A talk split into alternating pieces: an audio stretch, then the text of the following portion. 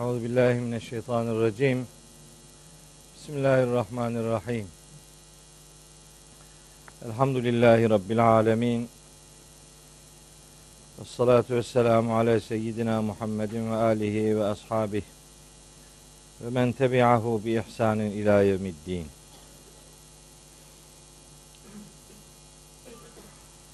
Hepinizi selamların en güzeliyle, Allah'ın selamıyla selamlıyorum. Allah'ın selamı, rahmeti, bereketi, afiyeti, mağfireti üzerinize olsun. Değerli kardeşlerim, bugün Müzzemmil suresinin son ayetini okuyacağız. Ve inşallah bugün itibariyle Müzzemmil suresini bitirmiş olacağız. Bu dersimizde de Cenab-ı Hak'tan önce bana söyleyeceklerimi doğru söyleyebilmeyi lütfeylesin. Sonra da size dinleyeceklerinizi doğru dinlemeyi, doğru anlamayı ve doğru anlamayı, yaşamayı nasip ve müyesser eylesin diye dua ve niyazım ile derse başlıyorum. Müzzemmil suresi vahyin nasıl bir insan inşa etmek üzere prensipler içerdiğini bize öğreten müstesna surelerden bir tanesi. O müstesna bilgi dağarcığımızı şekillendirsin diye Allahu Teala bizim vahiy ile iletişimimizi düzene koymak üzere bir takım ilkeler, öğretiler şekillendirdi. Ve 5-6 haftadır, 5-6 derstir. Bunlar üzerinde yoğunlaşarak sizlere bilgi aktarmaya gayret ettik. Bugün itibariyle bu bilgilerin artık sonunu, sonuncusunu Müzzemmil suresi itibariyle yakinen müşahede etmeye gayret edeceğiz inşallah. Surenin en başında ilk dersimizi yaptığımız bölümünde geceleyin kalkışla alakalı bir düzenlemesi üzerinde durmuştuk surenin. Gece ne kadar ayağa kalkılacak? Geceyi ne kadar değerlendireceğiz? Gecenin hayatımızda vahiy ile buluşma hayatımızda etkinliği nedir ne değildir üzerinde konuşmuştuk. Ve demiştik ki o zaman geceleyin en az üç defa kalkmak lazım. Çünkü gecenin yarıdan çoğunun ayakta olmamızı Allahu Teala istiyor demiştik. Bunu başarabilmek için işte en az üç defa yarısından önce kalkmak, yarısında kalkmak ve yarısından sonra üçte ikilik bölümünden sonra da ayağa kalkmak, kalkmak böylece yarıdan çoğunu uyumayarak ve fakat vahiy ile bütünleşerek geçirmek durumundayız. Onu öğretmişti. Tabi bu biraz ağır gibi görüldüğü için pek çok adam bu, bu olmaz. Bu bu başarılabilir bir şey değil. Dolayısıyla uykusuna mağlup olmanın insana söylettirdiği bir takım alternatif cümleler söyleyip durduk. Hatta bazıları işi biraz daha ileri götürdüler. Dediler ki bu ayetler beş vakit namazın farz kılındığı ayetlerle nesedilmiştir. Yani bu ayetler hükümsüzdür, kalkmanıza gerek yoktur ra getirdiler işi. Halbuki bu ayetlerde namazdan söz edilmiyor. Yani. Namaz ayetlerinin burada namazla alakalı herhangi bir şeyi nesetmesinin imkanı yok. Çünkü burada konu namaz değil. Ha, duygularına, uykusuna söz geçiremeyenler, uykusunu hizaya getiremeyenler ayetleri hizaya getirmeye çalıştılar. Ayetleri yani burada aslında o demek istenmiyor da şu demek isteniyor filan gibi. Canım bu başarılabilir bir şey değildir. En çok bunun üzerinde durdular. Şimdi onlara cevap olsun 20. ayet. Söz benim değil. Doğrudan ayeti 20. ayetin birinci cümlesini doğrudan tercüme edeceğim. Ona göre bakalım bu başarılabilir bir şey miymiş yoksa imkansız bir şey miymiş? Bir bakalım ne diyor Allahu Teala. Allah bir şeyi emredince imkansız olarak emretmez. Çünkü la yükellifullahu nefsen illa vus'aha prensibi var. Allah hiçbir cana kaldıramayacağı yükü yüklemez. Öyleyse bir şey diyorsa bu hem yapılabilir bir şeydir hem faydalı bir şeydir demektir. Bir şey emrediliyorsa bunun doğruluğuna insan inanır ve o sonrasında onun gereğini yerine getirir. Bakın şimdi 20. ayet. Bu 20. ayet ilk 19 ayetlik gruptan daha sonra indirilmiştir. Hem ayetin içeriği hem de metin bazında ifade üslubu daha sonraki dönemlerde indirildiğini gösteriyor. Hatta bazıları bu 20. ayetin Medine'de indirildiğini bile söylemişlerdir. Üslubundan dolayı, uzunluğundan dolayı, hatta içeriğindeki birkaç konudan dolayı bu ayet Medine'de indirilmiş ama işte Müzzemmil suresinin son ayeti olarak e, şekillendirilmiştir diyorlarsa da ben ayetin Medine'de indirildiği kanaatinde değilim. Ama Mekke'nin de ileriki dönemlerde indirildiği anlaşılıyor. Çünkü ayetin içerisindeki bazı edatlar bizi ayeti böyle anlamaya zorluyor. Ne diyor bakalım şimdi ayeti kerimenin birinci cümlesinde Rabbimiz. Estağfirullah. İnne rabbeke ya'lemu. Senin Rabbin mutlaka biliyor. Neyi biliyor? Enneke sen peygamberimize hitap ediyor. Enneke sen tekumu kaim oluyorsun. Ayakta duruyorsun. Ayaktasın. Ne zaman? Edna min sülüseyil leyli. Gecenin üçte ikisinden az bir kısmında. Ve nisfahu yarısında ve sülüsehu son üçte birinde sen ayaktasın. Sadece peygamberimiz değil. Devam ediyor. Ve taifetun minellezine ma'ake. Seninle beraber olan grubun da böyle olduğunu Rabbin biliyor. E hani yapılamıyordu? Hani çok ağırdı? Hani bu olabilir bir şey değildi? Bak yapılmış. Yapıyormuş onu peygamberimiz başta olmak üzere. Beraberindeki grup da bunu yapıyormuş. Öyle çok zordur, imkansızdır, yapılamaz gibi yakıştırmalar kişilerin kendi kanaatleridir. Vakayı anlatmıyor bütün bunlar.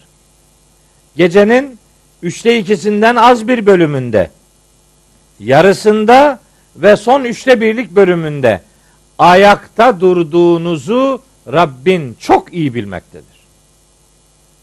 Biz buradan şunu da anlıyoruz. İlk derste söylemiştim Müzzemmil suresinin. Kur'an'daki emir ifadeleri eğer çok önemli başka bir vurgu yoksa emir ifadeleri peygamberimize hitaben geliyor olsa da muhatap herkestir. Bu ayette geceleyin yarıdan çoğunda ayakta durmak sadece peygamberimize aittir diyenler hakikati söylemiyorlar. Çünkü 20. ayet bu hitabın bütün müminleri içerdiğini gösteriyor. Eğer peygamberimize özel olsaydı peygamberimiz ashabına derdi ki geceleyin benim kalkmam gerekiyor. Sizin kalkmanıza lüzum yok. Siz yattığınız kadar yatabilirsiniz. Demedi. Onlar da böyle yapmadılar zaten. Ne yaptılar? Ve taifetun minellezine ma'ak. Seninle birlikte olan grup da gecenin üçte ikilik kısmının azında, yarısında ve son üçte birinde seninle beraber ayakta duruyorlar. Ayakta durmak yatmamak demek değil. Ayakta durunca ne yapıldığını zaten dördüncü ayette söylemiştik. Ne yapılıyordu? Niye ayakta duruyorduk? Varattilil Kur'ane tertila. Kur'an'ı tertil üzere okumak üzere ayakta duruyorduk. Şimdi de insanlar geceleyin ayakta duruyorlar ama ne yaptıkları ne herkes biliyor. Herkes kendisi ne yaptığını biliyor. Dolayısıyla bu yapılanlar arasında Kur'an'ı tertil üzere okumanın bulunmadığını da biliyoruz. Gece saat 12'ye kadar 1'ye kadar dizi seyrediyor. Film seyrediyor. İşte ne bileyim belgesel seyrediyor. Bizim mahalli ağızda gaggarlık yapıyor. İşte başka başka da bir şey yok. Ondan sonra yatıyor ölü gibi. Sabaha kadar mışıl mışıl uyuyor. Sabah kalkıyor. Her gün böyle.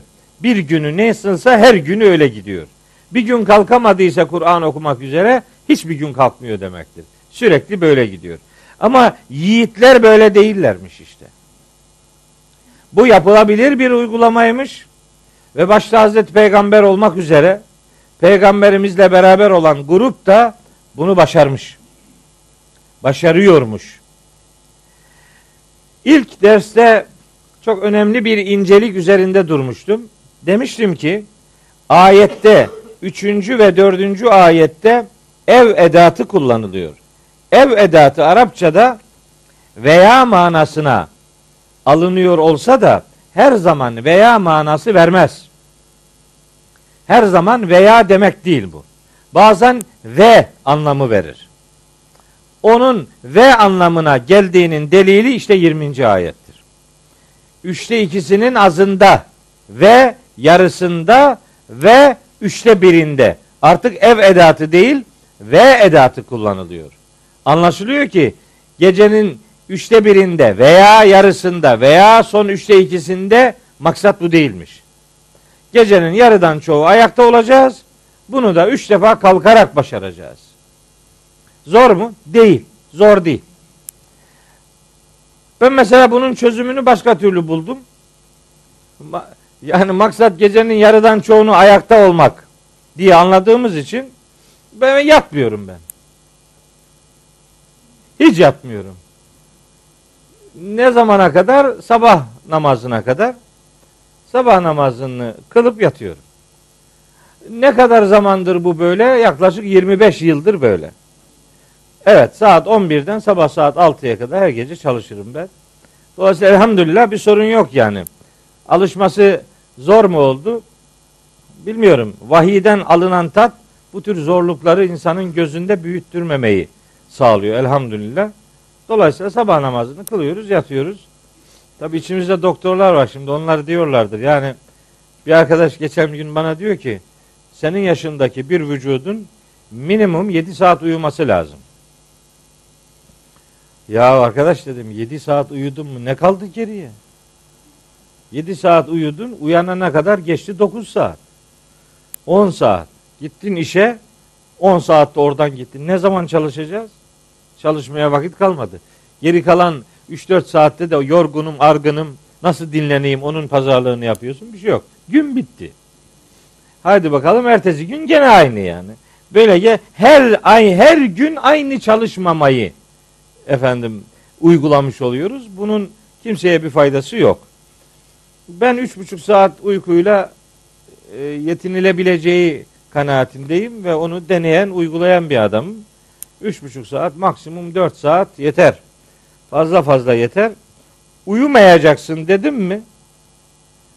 Beynin böyle bir komut verdi mi? Vücut organları bunu uygular. Ama ne olur da daha çok uyurum. Böyle bir komut verirsen bütün organların her an uyumak ister. Uyudukça uyumak ister. Uyku uykuyu davet eder. Böyle sü- sürekli 10 saat uyursun. 10 saat uyuyan adamdan ne çıkar ya? 8 saat uyku olur mu? 8 saat uyku. Üf, ne kadar bol zamanı varmış senin. Senin 24 saat değil herhalde günlük performansın saat olarak herhalde 40 saat üzerinden düşünmek lazım. Bilmiyorum. Çok hoş oluyor. Tavsiye ederim. Gecenin büyük bir bölümünü vahiy ile bütünleşerek ayakta geçirmek harika bir huzur verir insana. Efendim mesai mefhumu var tabi. Mesaiye nasıl gideceğiz diye.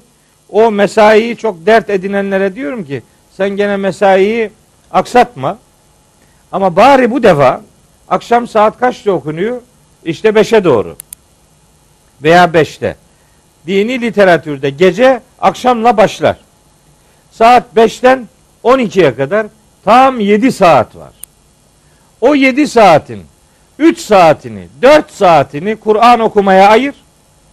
Sen zaten gecenin yarıdan çoğunu ayakta geçirin ifadesinin gereğini yerine getirmiş olacaksın. Ama bizim beyimiz geceyi 12'de, 1'de başlatıyor. 12'de 1'de başlatınca gecenin yarıdan çoğunu ayakta geçirmek artık imkansız gibi oluyor. Yan, yanlış bir yanlış bir ayarlama yapmamak lazım. Yanlış bir tanımlama yapmamak lazım. Gece akşamla başlıyor. Akşam eve gittiniz. Kaçta gidiyorsun? Beşte mesaiden çıktın. İstanbul şartlarını düşünün. Altı buçukta filan en geç eve gidersin. Veya yedi olsun canım. Giderken toplu taşıtları kullanıyorsan elinde bir, bir meal olsun oku. Otobüste oku canım. O da bir tertil biçimidir yani. Orada oku.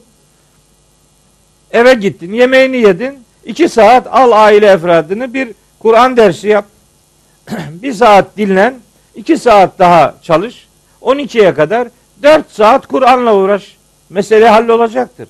Sonra zaten o kadar bir gecede 4 saat Kur'an'la meşgul olursak sonra zaten yatamıyorsun. Yani ayetler senin senin uykunu getirtmiyor. Hani derler ya Kur'an okumaya başlıyorum uykum geliyor. Okumuyorsun onun için. Okusaydın uykun gelmeyecekti. Kur'an adamın uykusunu getiren değil, uykuyu kaçıran kitaptır. Sen demek ki ninni niyetiyle okuyorsun ayetleri. Bu ayet bana ne demek istiyor duygusuyla okumayınca uykun gelir, uyursun, durursun işte. Uyumamayı tavsiye ediyor ayeti kerime. Ama bunun bir takım sıkıntılı, mazeretli pozisyonları da olabilir. Şimdi onlarla alakalı düzenlemeler yapıyor. Belki ilk defa pek çok kardeşimizin belki ilk defa duyacağı cümleler okuyacağız şimdi. Mazeretler nelermiş? En mazeretli durumlarda bile neler terk edilemezmiş? Dinen neyin mazeret olduğunu okuyacağız şimdi. O mazeretli durumlara rağmen neler terk edilemezmiş onları göreceğiz. Öyle herkes kendi kafasına göre mazeret üretmeyecek. Mazeret Allah'ın mazeret dediği şeydir. Hiç kimse Allah'a din ve hakikat öğretemez. Allah ne dediyse hakikat odur. Öyleyse o neye mazeret diyorsa bizim mazeret algımız ona göre şekillenecek.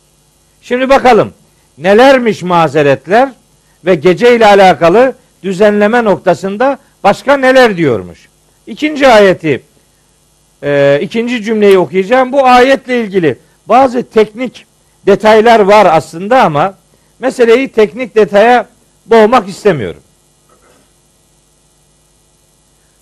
Şimdi ikinci cümle. Vallahu yukaddiru leyle ve nehara. Allah geceyi de gündüzü de takdir eden kudrettir. Yani geceyi gece yapan odur. Gündüzü gündüz yapan odur. Geceleyin neler yapılabilir belirleyecek olan da odur. Gündüz neler olabiliri şekillendirecek olan da odur. Yani gecede gece bazı ayetlerde mesela dinlenme zamanı olarak ifade edilir. Doğrudur. Gecenin dinlenme kısmı vardır. Ama tamamı dinlenmeye ayrılmış değildir. Değildir değil mi? Bir ayete bakarak Kur'an o konuda şunu diyor diye kimse kestirip atmamalıdır. Yani tamamını görmeden parçasına bakarak karar vermek doğru değildir. Evet, geceyi örtü yaptığını söylüyor Allahu Teala. Ve cealne leyle libasa. Gece örtüdür. Nevm subattır diyor. İşte uyku dinlendiricidir. İnsana huzur verir. Eyvallah. Ama gece ile alakalı sadece uyku kısmını alıp da gerisini niye görmüyorsun? Sana gece ile alakalı başka ayetleri söyleyelim. Onlar da Kur'an'dan. Hepsini düşünerek karar verdiğin zaman daha şümüllü bir algınız oluyor. Ne diyor mesela? Buyuruyor ki hani Ramazan'la ilgili Ramazan sahurla ilgili ayet yoktur derler Kur'an'da. İşte sahurla ilgili ayet olmaz olur mu? Var da sen görmek istemiyorsun. Mesela Ali İmran suresinde sahurla ilgili 17. ayet var. Ellezine yekuluna rabbena innena amennâ fagfir lena zunubena ve qina azaben nar es sabirine ve sadikine vel kanitine vel munfikine vel müstagfirine bil eshari. Sahurlarda Allah'tan bağışlanma dileğinde bulunur yiğit müminler. Sahurlar mışıl mışıl uyumanın zamanları değiller. Sahurlar istiğfar zamanlarıdırlar. Sadece oruç ayetinde sahuru aradığı için garibim. Orada bulamayınca yok zannediyor. Evet Bakara 183-187 arasında sahurla alakalı bir kelime yok ama Ali İmran 17'de var. Sadece Ali İmran 17 değil. Başka da var. Şu ayete bakın. Bu ayet Müslümanlara ne zaman inecek merak ediyorum. Secde suresinin işte 16. ayeti. Secde suresi 15 ve 16. ayetler. İnnemâ yu'minu bi ayatina. Bizim ayetlerimize gerçekten iman edenler, güvenenler şunlardır. Ellezîne izâ zükkirû biha.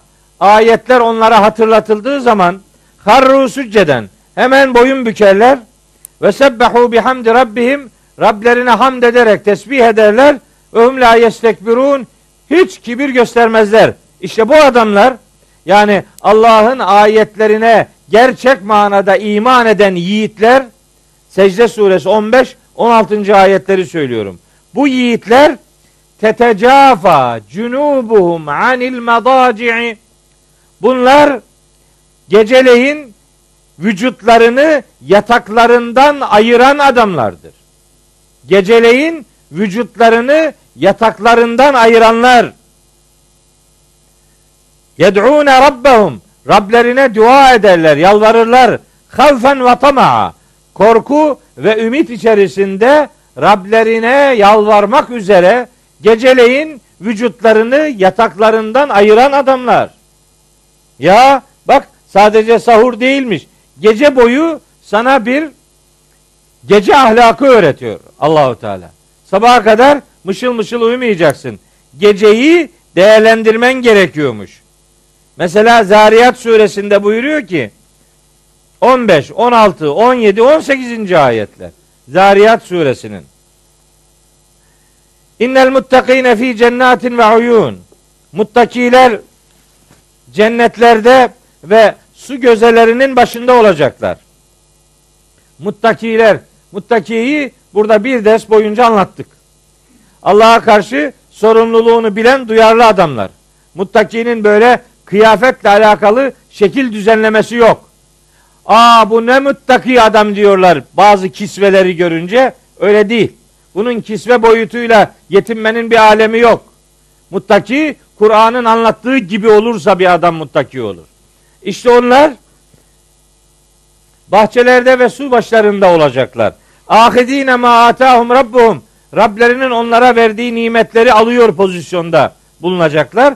İnnehum bu adamlar yani muttakiler öbür alemde Allah'ın onlara verdiği nimetleri almak pozisyonunda olan bu adamlar kanu kable zalike muhsinin.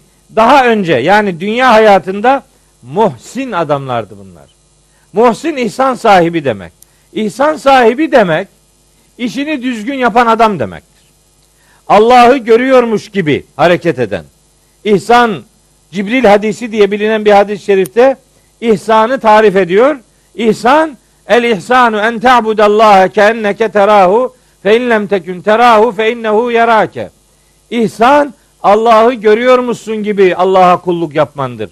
Sen onu her ne kadar göremiyorsan da o seni görüyor. Allah seni görüyormuş gibi ibadet yapıyorsan buna ihsan denilir. Bunu yapana da muhsin denilir. Bunlar muhsin adamlardı. Ne yaparlarmış? Kanu bakın kanu galilen minel leyli ma yehcaune. Onlar geceleyin çok az uyurlardı. Ya akşamdan sabaha kadar uyurlardı demiyor bak. Kanu kalilen minel leyli ma yehcaun. gecenin az bir bölümünde uyurlardı. Ve bil esharihum yestağfirun. Sahur vakitlerinde de istiğfar ederlerdi diyor. Yok diyor burada böyle ayet yok. Gece hep uyuma zamanıdır. Tabi öyle bir ayeti görürsün gerisini görmezsen böyle olur. İnsan suresinin 26. ayeti ve minel leyli fescud lehu geceleyin Allah'a secde yap ve sebbihhu leylen tavila İnsan suresi 26. ayet. Gece bunu tercüme ederken ya da anlatırken diyorlar ki uzun gecelerde Allah'ı tesbih et. Kışın yani. Yazın yazın bir şey yok. Halbuki öyle değil. Geceleyin uzun zamanlar boyu Allah'ı tesbih et. Her gece uzun zamanın olsun Allah'ı tesbih için. Ya bu kadar ayete rağmen adam hala ikna olmadıysa yapacak bir şey yok. Yat. İstediğin kadar uyuyabilirsin. Ne kadar uyursan uyur. Ama bu uyumayan yiğitlerden söz ediyor. Geceyi de gündüzü de takdir eden odur. Gecenin sana nasıl katkısı oluru Kur'an öğretiyor. Öyleyse ömrünün önemli bir bölümünü uykuya terk etmemen lazım. Geceyi de gündüzü de takdir eden gücün senden neler istediğine kulak kabart ve o kulak kabartmayla görevini yerine getir. Bundan maksat sadece açıp önüne Kur'an okumak değil hiç şüphesiz. Yani Kur'an'ın senden istediği herhangi bir fedakarlığı yapıyorsan o da budur işte yani. O da yapılması gereken şeydir. Yani Allah'ın büyüklüğünü düşünerek gece laboratuvarlarda çalışanlar da aslında Kur'an'ı tertil ediyorlar. Bu da doğru. Bu da bu da olan şey işte. Yeter ki yatıp mışıl mışıl uyuma. Yeter ki dizi film seyrederek ömrünü heder etme. Lüzumsuz meşguliyetlerle değil, hakikate hizmet eden algıların ve meşguliyetlerin olsun. Onlar da Kur'an'ı tertildir. Onlar da ayetlerle meşguliyettir. Ayet sadece Kur'an'ın cümleciği değildir. Kainatla alakalı, hakikatlerle alakalı her bir bilgi bir ayet mesabesindedir. Onlarla meşgul oluyorsan istenileni Allah'ın izniyle yapıyorsun demektir. Evet. İmtihan olur ya çocuklar, okullarda okuyan öğrenciler. Tam da şimdi final imtihanları zamanı. Bizim çocuklar bu gecelerde hiç yatmazlar. Sabaha kadar. Dönem boyu yatar. İmtihan gecesi yatmaz. Gecesi yatmadığı o gecenin sabahında yarı sarhoş gibi geliyor. Soruları okuyor. Ya anlıyor ya anlamıyor. Ondan sonra imtihandan yüz bekleyecek yerde bir sıfır eksik alıyor. İşte 10 alıyor yani. 100 üzerinden 10, 20, 25 filan. Hocam çok bekliyordum ama uyudun. Yanlış zamanda uyuyorsun. Yani dönem boyu çalışmayı bırakıp bir geceye terk edersen çalışmayı olacağı bu. Ama onların çalışmasından da bir şey öğrenebiliriz. Yarın hangi kitaptan soru çıkacaksa o kitabı çalışıyorlar. Oysa mahşerdeki sorgulamada soruların çıkacağı bu kitabı ömür boyu açmıyoruz. Mahşerde sorular bu kitaptan çıkacak ve biz başka kitaplara çalışıyoruz. Ne demek istediğimi anlıyorsunuzdur. Başka kitaplara çalışıyor. Ve ne diyor biliyor musunuz? Biz öyle bir kitap okuyoruz ki içinde Kur'an da var. O. Nereden buldun böyle bir kitap? Nasıl bir kitap bu? Hem Kur'an'ı da içine alıyor. Kim yazdı bunu? Herkesin bir takım lideri var. O liderin yazdığı hatta o liderin yazdığı da demeyelim. Haksızlık olmasın. O lidere yazdırılan kitaplar. Nasıl inanıyorlar böyle şeylere ya? Bu bana yazdırıldı diyor. Hey, bana niye yazdırılmıyor? Niye sana yazdırıldı da bana yazdırılmıyor? Senin neyin fazla yani? Ne oldu? Ne yaptın? Hani çalışmaksa 30 senedir çalışıyorum. Bir şey yazdırılmadı bana hiç. Hala bekliyorum. Yani gözü açık çalışmayan, gözü kapandığında bilgileneceğine inandırılmış. Gözün açık görmesen, gözün kapalı ne görebilirsin ya? Açık gözle fedakarlık yapmazsan, gözünü kapatınca sen ne, nasıl bir bilgi sahibi olabilirsin? Bana ilham edildi diyor. Olur olur. Bir ilham var da kimden geldiği tartışmalı. Hezeyanlarını bilgi zannediyorsun. Değil mi? Bütün takımların böyle kitapları var. Hepsinde var ya. Ama hepsinin ortak bir noktası var. Haklarını yemeyelim. Onların okudukları kitabın arasında Kur'an yok. Ortak noktaları bu. Kur'an'ı okumuyorlar. Başka. Başka ne olsa okuyor. Ama soru o okuduklarından çıkmayacak. Bundan çıkacak. Vallahi billahi buradan çıkacak. Kur'an'ın ilk emri nedir? İkra. İkra nedir? Anla. Anlayarak oku. Ben öyle inanıyorum ki mahşer sabahı karşılaşacağımız ilk soru bu ilk emirle alakalı olacak. Allahu Teala muhtemelen demiş olacak ki tabi o bilir ama bizim anlayabildiğimiz kadarıyla söylüyorum. Ben sana ilk emir olarak oku demiştim. Pek okudun mu? Ha diyelim ki okudum cevabını verdik. Bir soru daha soracak muhtemelen. Ne okudun? Neyi okudun? Hangi kitabı okudun? Bizim efendininkini okudum. Git efendin yargılasın seni şimdi. Derse ne diyeceğiz? Ne korkunç bir durum. Nasıl böyle bir şeye inandırılır koca bir ümmet? Acayip iftiralar var yani. Ben Kur'an'ı bilmeyen bir adamın inandırılamayacak bir yalanı yoktur. Bütün yalanlara inanabilir o. Yeter ki Kur'an'ı bilmiyoruz. Onun için bunlar da hep Kur'an'dan uzak tutmaya çalışırlar ki her yalanı yutturalım diye. Değil mi? Sosyal medya ile meşgul olanlarınız görüyordur. Ne yalanlar var be. Ne gün yüzü görmemiş yalanlar var ya. Adam yalan anlatıyor, anlatırken ağlıyor. Ya ne ağlıyorsun be? Zaten yalan dediğin, yalan konuşuyorsun ya. La yalana yalandan ağlamak diye bir literatürümüz var ya. Yalan konuşuyor, ağlıyor. Yalandan ağlayanı görüyor, öbürü o da ağlıyor. Salya sümük ağlıyoruz. Böyle korkunç bir gidişat var. Evet, şimdi aklıma bir sürü şey geliyor. Onları onlara girmeyeyim. Evet, geceyi de takdir eden, gündüzü de takdir eden Allah'tır. Geceyi değerlendireceksin. Ne ile? Vahiy ile. Yani Allah'ın senden istediği meşguliyetlerle geceyi değerlendireceksin. Gündüz geceyi değerlendireceksin vahiy ile ki gündüzün vahiy ile ihya olmuş olasın. Hep şey söylüyoruz. Gecesini vahiy ile inşa edenler gündüzünü vahiy ile ihya ederler. Bu gece başlar. Vahyin gece gelişinin esprisi de buydu. Kadir gecesinde geldi. Niçin? Hayatımızdaki bütün geceleri aydınlığa dönüştürsün diye. Maksat sadece saat olarak geceden ibaret değildir. Hayatımızda nice geceler vardır. İşte o geceleri şirk geceleri, küfür geceleri, inkar geceleri, nifak geceleri, günah geceleri, sapkınlık geceleri herkeste var. O gecelerin vahyin aydınlığına dönüştürülebilmesi için bir tanecik okuyacak kaynağımız var. O da Allah'ın kelamı Kur'an-ı Azimüşşan'dır. Bu kadar. Efendimizin ifadesiyle söyleyelim. Peygamberimiz sallallahu aleyhi ve sellem öyle buyuruyor. Fadlu kelamillahi ala gayrihi kefadlillahi ala halqihi. Allah'ın kelamının diğer sözlere olan üstünlüğü Allah'ın mahlukata olan üstünlüğü gibidir. Ya Allah yarattığı varlıklardan ne kadar yüce üstün ise onun kelamı da diğer sözlerden o kadar üstündür ve yücedir. Peygamberimiz böyle tarif ediyor kardeşim. En güzel sesli hafızlar kimlerdir? Halit Hoca bilir.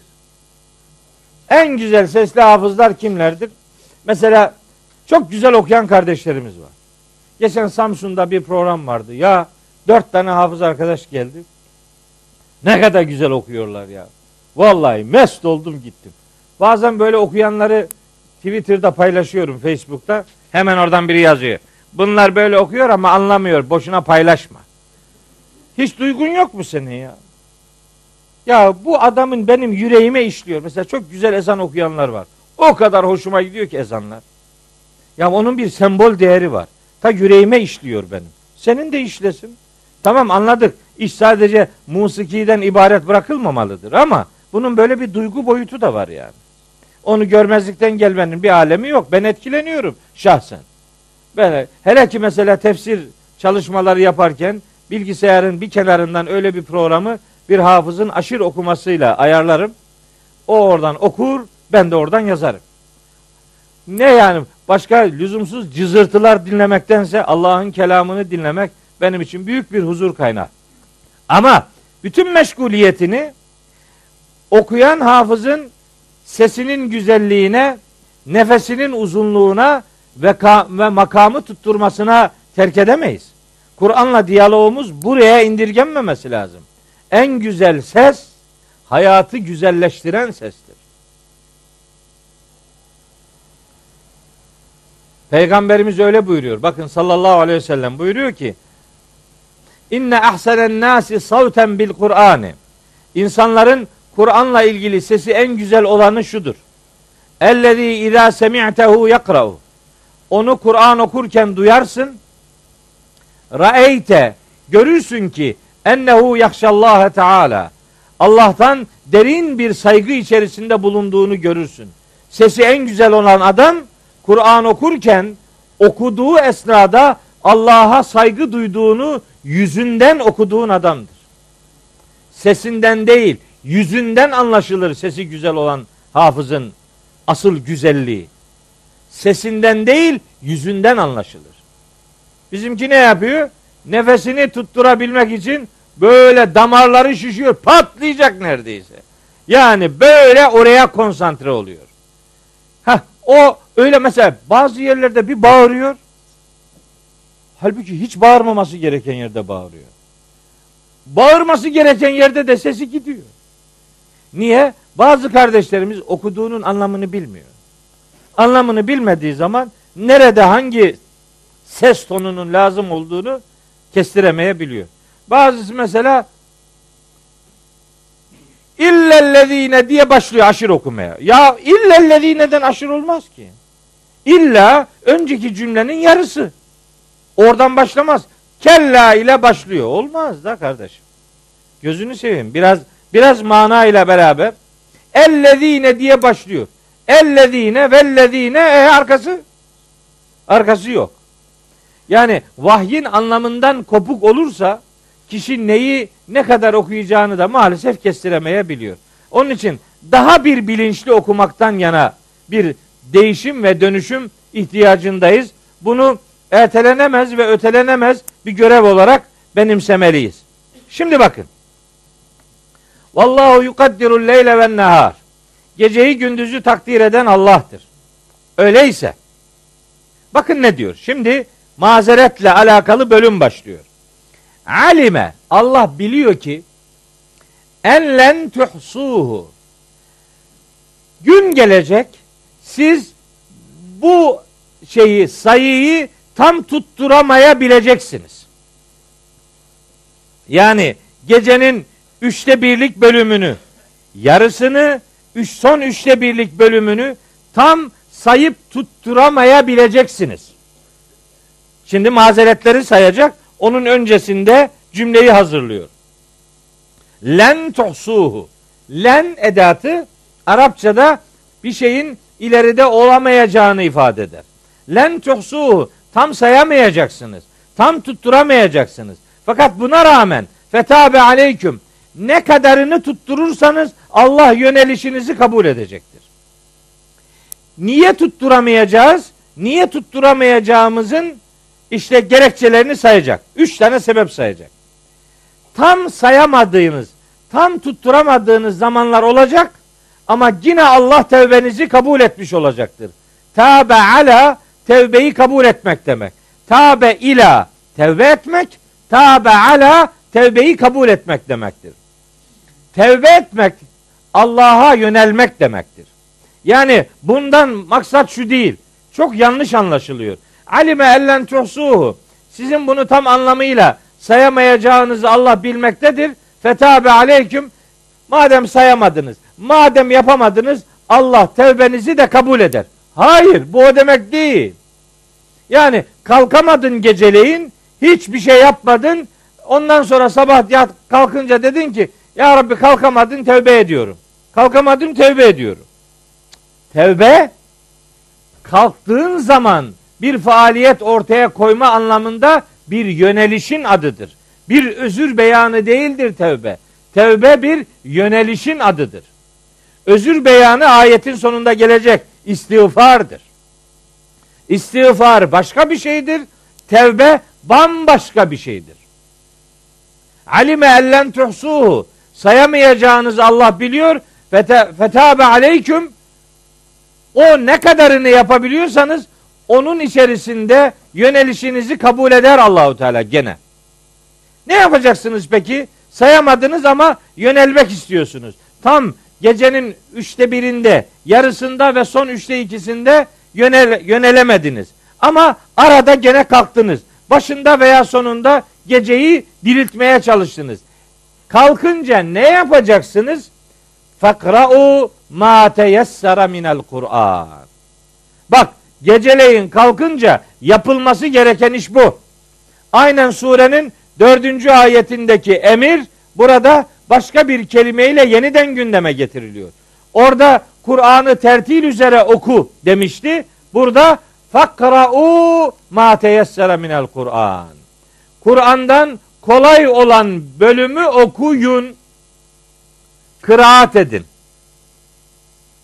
Ne zaman? Gene gece yani.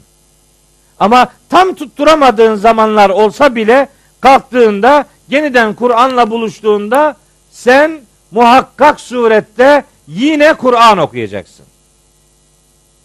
Gece kalkınca teheccüd gece uykuya ara vermek demektir. Ama teheccüd uykuya ara vermenin adı olmaktan çıktı, namazın adı oldu. Teheccüd namazı namaza indirgendi. Oysa geceleyin kalkıldığında asıl yapılması gereken şey Kur'an okumaktır. Kur'an okursun, arada iki rekat da kılarsın, dört rekat da kılarsın, ne kadar kılarsan kıl. Ama ilk yapman gereken gece kalktığında Kur'an'ı tertil üzere okumak ve onu kıraat etmektir. Ben söylemiyorum yani. Ayetin cümleleri bunlar. Benim kendi kanaatim filan değil. Fakra'u kıraat edin ma teyessera minel Kur'an Kur'an'dan kolay olanı. Ben tercümeyi farkındaysanız Kur'an'dan kolay olanı kıraat edin diye yapmadım. Kur'an'dan kolay olanı kıraat edin dediğinde bu defa Kur'an'da kolay olmayan yerler de var manası kaçınılmaz olur. Değil mi? Kolay Kur'an'dan kolay olanı okuyun demek Kur'an'da kolay olmayan yerler var demektir. Eğer böyle mana verilirse o zaman bu mana başka bazı ayetlerle çelişir. Hangi ayetle? Yazdım. Kıyamet Kamer suresinde 17, 22, 32 ve 40. ayetler ile Meryem 97 ve Duhan 58. ayetlerle çelişir bu. Niye? O ayetlerde bütün Kur'an'ın kolaylaştırıldığını söylüyor Allahu Teala. Ve lekad yessernel Kur'ane lizikri. Gerçeği hatırlamak için biz Kur'an'ı kolaylaştırdık. Bütün Kur'an kolay. Ama bu ayete Kur'an'dan kolayınıza geleni okuyun diye tercüme yaparsanız Kur'an'ın kolay olmayan bölümleri var manası devreye girer. Onun için öyle bir tehlikeyle yüzleşmemek için ben tercümeyi zaten kolay olan Kur'an'ı okuyun. Oradaki ma teyessere minel Kur'an o mineldeki min edatına baziyet edatı değil beyaniye edatı manası veriyorum. Kur'an'ın zaten kolay olan Kur'an'ı okuyun. Zaten kolay. Peki kolay ulaşılan manası olabilir mi? Vahyin indirildiği Mekke şartlarında bu da olabilir. Kolay olan değil de kolay ulaşılabilen Kur'an. Çünkü herkesin evinde şimdiki gibi böyle basılı Kur'an yok. Vahiy katiplerinin elinde var. Bazı sahabilerin elinde var. Herkesin evinde her an açıp ulaşabileceği bir Kur'an yok o zaman. Vahiy malzemesi yaygın olmadığı için herkeste her an her tarafı yok. O zaman ulaşabileceğiniz, kolay ulaşabileceğiniz metni alın ve onu okuyun. Ama herkesin elinde kolay ulaşabileceği bir metin bulunsun manası da burada zımnen var kabul edilir. Tekrar ediyorum. Maksat Kur'an'da kolay olan yerler var. Biraz da zor olan yerler var. Bu manayı vermek değildir. Kolay olan kolay ulaşılabilen manasında yorumlanabilir. Ama daha doğrusu zaten kolay olan Kur'an'ı kıraat edin cümlesidir. Şimdi bizim için geçerli olan mana budur. Hepimizin elinde Kur'an olsun. Hepimizin evinde var da hepimizin elinde yok. Onun için ben diyorum ki evlerimizdeki Kur'an'ı ellerimize almadıkça kurtulamayacağız. Evlerdeki Kur'an ellere taşınacak. Satırlardaki Kur'an sadırlara taşınacak. Satırlardan sadırlara. Sadır gönül demek. Satırlardan yüreğimize taşıyacağız. Sadırlardan da hayata okuyacağız. Evlerden ellere, satırlardan sadırlara, sadırlardan hayata Kur'an'ı taşımak durumundayız. Ancak böyle bir dönüşüm bizden bekleniyor. Bu dönüşümü görmezlikten gelmemek durumundayız. Evet. Mesela burada tabi Taberi'den, Zemahşeri'den, Razi'den, Kurtubi'den nakiller yaptım. Geceleyin ne kadar Kur'an okunacak? İşte 50 ayet, 100 ayet gibi sayılar belirtmiş eski alimlerimiz. Olur. Ne kadar okursan o kadar faydanadır ama okuduğunu anlamış olmak kaydıyla bunlar böyledir. Anlayarak okumaktır burada istenen. Niye? Kullanılan kelimelerin biri tilavet değil. Biri tertil, biri kıraat. Tilavet dilin okumasıydı. Kıraat aklın okuması, tertil gönlün okuması. Bakın burada kıraatten söz ediyor. Yani anlayarak okumaktan söz ediyor. Açacaksın, anlayarak okuyacaksın. Ne olacak? Anlayarak okuduğun süre sen Kur'an'ın hayatına taşınması lazım gelen bir metin olduğunu öğreneceksin. Efendim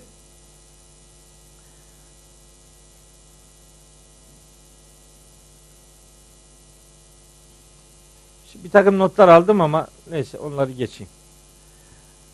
Gene mazeretler bölümü e, yarıda kalacak korkusuyla aldığım notların bir kısmını geçiyorum. Gece kalkılacak ve Kur'an okunacak. Ben bunu anlıyorum bu ayetlerden.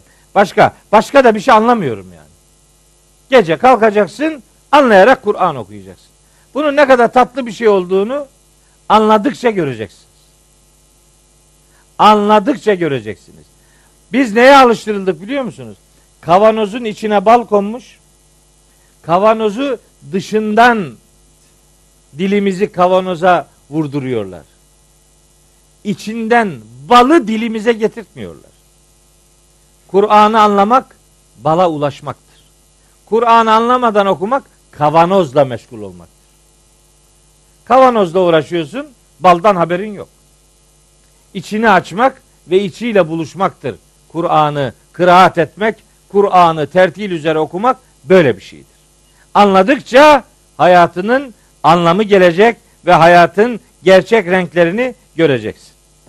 Peki geceyi tam sayamamakla alakalı mazeretler neler? Şimdi sayıyor. Bir, alime Allah biliyor ki en seyekûnu minküm seyekûnu oradaki o sin harfi ileride meydana gelmek manası verir. İleride yani yakın bir gelecekte şunlar olacak. Ne olacak? İşte Mekke'nin ileriki tarihleridir bu ayetin iniş zamanı. İleride şunlar olacak. Mesela neler olacak? Minküm içinizden merda hastalar olabilir. Değil mi? Herkes her zaman sağlıklı olmaz. Hastalıklar olabilir. Bu hastalık ifadesi Kur'an-ı Kerim'de pek çok konuda esnek hükümlerin yer almasının sebebidir. Merda, merid kelimeleri hasta, hastalık demektir. Mesela bakın Nur 61, Fetih 17. ayetlerde Leyse alel a'ma haracun ve la alel a'raci haracun ve la alel meridi haracun. Hastalara bir zorluk yoktur. Yani hastalarla alakalı bir esneklik var. Mesela oruç tutamama mazeretlerinden biri nedir? Femen kâne minküm meridan ev ala seferin fe iddetun min eyyamin ukhar. İçinizden hasta olanlar veya seferde olanlar için o sayıda başka günler oruç tutulur. Bak hastalık Ramazan'da ciddi bir hastalığın varsa oruç tutmayabilirsin. Ama ciddi hastalığın varsa Ramazan gelince biliyorsunuz bunlar çok pazara dökülür. O oruç tuttum başım ağrıdı mideme kramp girdi oruç tutamıyorum. Ha işte açlıktan dolayı yıl 12 ay midesi kramplarla geçen her gün baş ağrısı çeken insanın neler çektiğini öğrenesin diye sana oruç tutturuyor zaten Allahu Teala. Ama Ramazan'da en çok reklamı yapılan şeylerden bir tanesi ne? Tok tutan bantlar. Yapıştırıyor vücudunun bir yerlerine. Açlık hissi vermiyor. Orucun manası açlığı öğretmektir. Bizim çabamız tok kalmayı başarmak. Bunu bantlarla da geçiştiremeyenler yıllık, senelik iznini Ramazan'da alıyor. Niye? Oo. Sahura kadar ayakta duracak. Sahurda bir kamyon kadar yiyecek. Ondan sonra yatacak ölü gibi. İftara yakın kalkacak. İftarda da bir kamyon daha yiyecek. Ondan sonra diyecek, aa bana öyle diyor. Hocam bu sene Ramazan bana hiç dokunmadı. Ben de öyle diyorum. Sen Ramazan'a hiç dokunmadın ki o da sana dokunsun. Yakalayamıyor ki seni. Orucu uykuya tutturuyorsun. Öyle gidiyor. Bir de demesin mi ki hocam bu sene Ramazan çok yaradı bana. Tabi bakıma aldın kendini. Ramazandan önce marketlerde bir yığılma olur. Niye? Sanki kıtlık var. Ramazan geliyor diyor. E gelsin. Depo Ramazan dışında yediğinden daha çok yiyor Ramazan'da. Günde üç öğün az az yiyorken Ramazan'da iki öğün tıka basa yiyor. Ya ibadetin içi boşalınca işte görüntü bu. Gerçekten bunlar. Şimdi hasta, ciddi hastaysan, oruçtan dolayı hasta olmaktan söz etmiyor bu ayetler. Zaten hastalığın var, oruç tutarsan bu çok ilerleyecek. Artık namaz kılamayacak hale getirebilir seni. Öyle sıkıntılı durumlar oruçla alakalı bir mazerettir. Mesela Bakara 185'te onu söylüyor. Mesela işte hacla, hacda tıraşla ilgili bir hastalık mazereti vardır.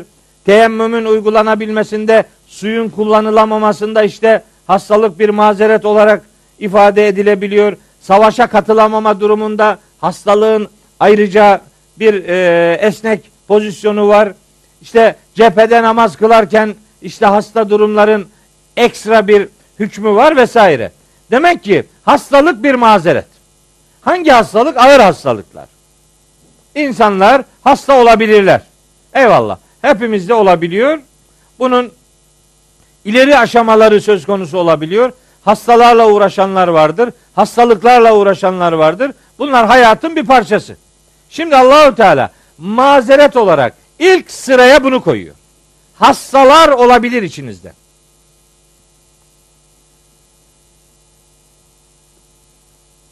Genç hastalar var. Genç. Daha çocuk yaşta çocuklar. Onların anneleri babaları çok uğraşıyor. Onların sadakayı cariyeleridir hasta çocuklarına bakmak. Onu bir yük gibi görmesinler. Evet. Hatice Hanım'a söylüyorum. Hiç yük gibi görmesinler. Hatta bazen engelli çocuğu olanlar vardır. Engelli çocuklar siz bakmayın böyle hümanist numaralar yapıp da çocuk ana rahminde engelli olacağı anlaşılmışsa bunu kürtajla aldıralım diyen diyen katillere bakmayın siz. Engelli de olabilir çocuk. Engelli çocuk ana babasının daha hayattayken işlemeye başlayan sadakayı cariyesidir. Devam eden sadakadır.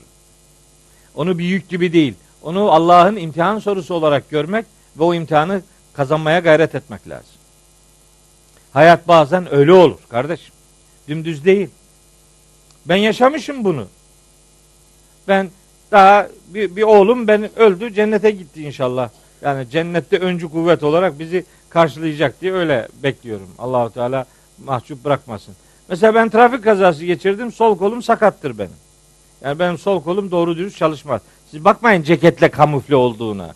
Böyle ceket olunca adam gibi duruyor bu. Öyle değil. Bu yüzde kırk çalışmıyor. Sol kolum trafik kazasında ağrı. Engelli işi ben de şimdi diyelim engelliyim. Engellileri toplumdan izole etme algısı var. Ne oldu şimdi? Bizi de mi götüreceksin? Ne derdim var? Mongol doğdu çocuk. Doğsun. Mongol doğabilir çocuk. Prematüre doğabilir. Doğsun. Allah'ın sana uyguladığı imtihan bu demek ki. Sen imtihan sorusunu şimdi yırtıyorsun. Soruyu yırtan adam o imtihandan geçebilir. Allah sana soruyu böyle sordu. Sen beğenmedin yırttın soruyu. Kaldın işte. Senin sorun bu. Öbürünün sorusu başka. Herkes bir çeşit muhatap her soruya canım. Hastalıklar Allah'ı hatırlama vesilelerdir unutmayın. Hasta olmadan kolayını Allah'ı hatırlamaz insanlar. Ama hasta olunca Allah şifa versin cümlelerini duymak bile Allah'ı hatırlamanın bir vesilesidir. Bazen hastalık bir nimettir. Onu öyle görmek lazım. İçinizden hastalar olabilir diyor Allahu Teala. Bak bir, bir grup bu. Şimdi bakın neler oluyor neler. Bu kitap nasıl bir kitapmış? Hayata dair neler söylüyor bakın. Nasıl düzenlemeler var. İçinizden ağır hastalar olabilir bir grup bu. İkinci grup. Ve aharune yadribune fil ardı yebtagune min fadlillahi. Bir grup Allah'ın ihsanından aramak üzere yeryüzünde yolculuğa çıkacaklar. Yani rızık temini için ticaret yapmak üzere yollara düşecektir. Ayetlerin indirildiği dönemdeki yolculuklar bugüne göre çok daha zordur. Ama bugün de olsa neticede yolculuk zor bir olaydır. Evinde değilsin. Neticede arabadasın, yoldasın, oteldesin, oradasın, buradasın. Böyle bir takım şeyler var. Ee, böyle alternatifler var. Bunlar bir mazeret grubudur. Rızık temini için çalışmak aynen namaz kılmak gibi bir ibadettir. Allah yolunda Allah'ın yarattığı nimetlerden istifade etmek üzere çaba sarf etmek aynen namaz gibi, oruç gibi bir ibadettir. Hani bu bunları yap, namaz kılmana gerek yoktur manasında söylemiyorum. Namaz kılmak bir Müslümanın kimliğidir. Ama rızık temini için çalışmak da başka bir kimliğidir. Bir adamın bir tane kimliği olmaz. Değil mi? Bir adamı birkaç türlü tanıtırsınız. Mesela ben kendimi tanıtırken derim ki mesela Kemal Okuyan'ın oğluyum. Bu bir tanıtma biçimidir. Fuat Okuyan'ın torunuyum. Bu da bir tanıtma biçimidir. İlahiyatta tefsir alanında çalışıyorum. Bu tan bu da bir tanıtma biçimidir. Efendim, üç çocuk babasıdır. Bu da bir tanıtma biçimidir. Trabzonludur. Bu da bir tanıtma biçimidir. Hepsi yani bir çeşit tanıtıyorsun bir, bir yönünle. Bir tanesinden ibaret değil. Bize ama Allah katında bizi tanıtacak bir tane isim var. Onun yanında başka bir isim aramayız. Nedir o? Müslüman. Sen kimsin? Müslüman. Bu soruyu bek sorar Allah ve biz bu cevabı veririz. Müslüman, Müslümanız ama hayatın normal akışı içerisinde alternatifler vardır. Başka türlü şeylerle insanlar birbirlerini tanıtırlar. İşte rızık temini için çalışmak da Allah'ın insanoğluna verdiği ev ödevlerinden biridir. Bu ikinci mazerettir. Orada verdiğim ayetler rızık temini için çalışmayla alakalı ayetlerdir. Hepsini burada teker teker okumayayım. Üçüncü mazeret üçüncü mazeret ve aharune yadribune fil ardı yebtagune min fadlillahi ve aharune yukatilune fi sebilillah. Üçüncüsü bir başka grup Allah yolunda savaş yapacak. Yani Mekke'nin sonları Medine Medine döneminde Müslümanlar artık gazveleri olacak, seriyeleri olacak. Önceden Cenab-ı Hak onlarla alakalı bilgi veriyor. Haber veriyor. Yani sıkıntılar olacak. Bu sıkıntılar hastalık olabilir, rızık temini için çıkılan yolculuklar olabilir ve Allah yolunda yapılacak savaşlar olabilir. Üç tane mazeret. Başka. Başka mazeret yok. Mazeret üç tane. Şimdi her birimize sorsak mazeret bana mazeret söyle diye. Akşama kadar mazeret sayar. Ama senin neye mazeret dediğin mühim değil. Allah'ın neyi mazeret diye tanıttığıdır mühim olan. Mazeret üç tane. Bir, hastalıklar. iki ticaret için çıkılan yolculuklar. Üç, Allah yolunda yapılan savaşlar. Yukatilune. Savaşmak, fiili savaş. Ama ne uğruna olacak bu? Fi sebilillah, Allah yolunda olacak. Başka bir beklentiyle değil. İlahi kelimetullah dediğimiz Allah'ın kelamını, Allah'ın prensiplerini yüceltme adına gün gelir vatanınızı savunma adına efendim coğrafyanızı vatan yapma adına fedakarlık yapmak gerekir. Bu mazeret hallerinden üçüncüsüdür. Peki bir teknik bilgi vereyim istedim. Hani bir kenarda bulunsun. Savaşla alakalı bir konu konuşurken işte bunların da bilinmesinde yarar vardır. Bizim literatürümüzde savaşla alakalı iki kelime var. Biri kıtal, biri cihat. Kıtal açılan bir savaşa karşı kendini savunma faaliyetine kıtal derler. Karşılıklı vuruşma anlamında mukatele denilir buna. Cihad ise daha çok insan kazanmaya yönelik faaliyetlerdir. Cihatta adam öldürmek değil, ruhunu öldürmüş bir adamı kazanmak esası söz konusudur. Cihadın kazanmaya dayalı bir anlam boyutu vardır. Hatta en büyük cihat Kur'an'ı anlatmaktır. Furkan suresi 52. ayet bu hakikati ortaya koyuyor. Cihat en büyük cihat Kur'an'ı anlatmaktır. Ama meselenin normal savaş boyutuyla alakalı birkaç bilgi vereyim. Savaşların da kendi içerisinde iki türü vardır. Birine gazve derler, birine seriye derler. Gazveler fiilen Hazreti Peygamber'in katıldığı savaşlar, seriyeler ise Peygamberimizin kendisinin katılmadığı ama gönderdiği gruplar. Bu İslam'ı tebliğ için olabilir, kervan takibi olabilir, istihbarat olabilir, İslam'a davet olabilir vesaire. Peygamberimizin katılmadığı, gönderdiği gruplara seriye, bizatihi kendisinin katıldıklarına gazve denilir. Gazvelerin Peygamberimizin hayatında 26 veya 29 tane olduğu e, söyleniyor. 26-29 arası bir rakam. Seriyelerin ise 60-65 civarında olduğu naklediliyor.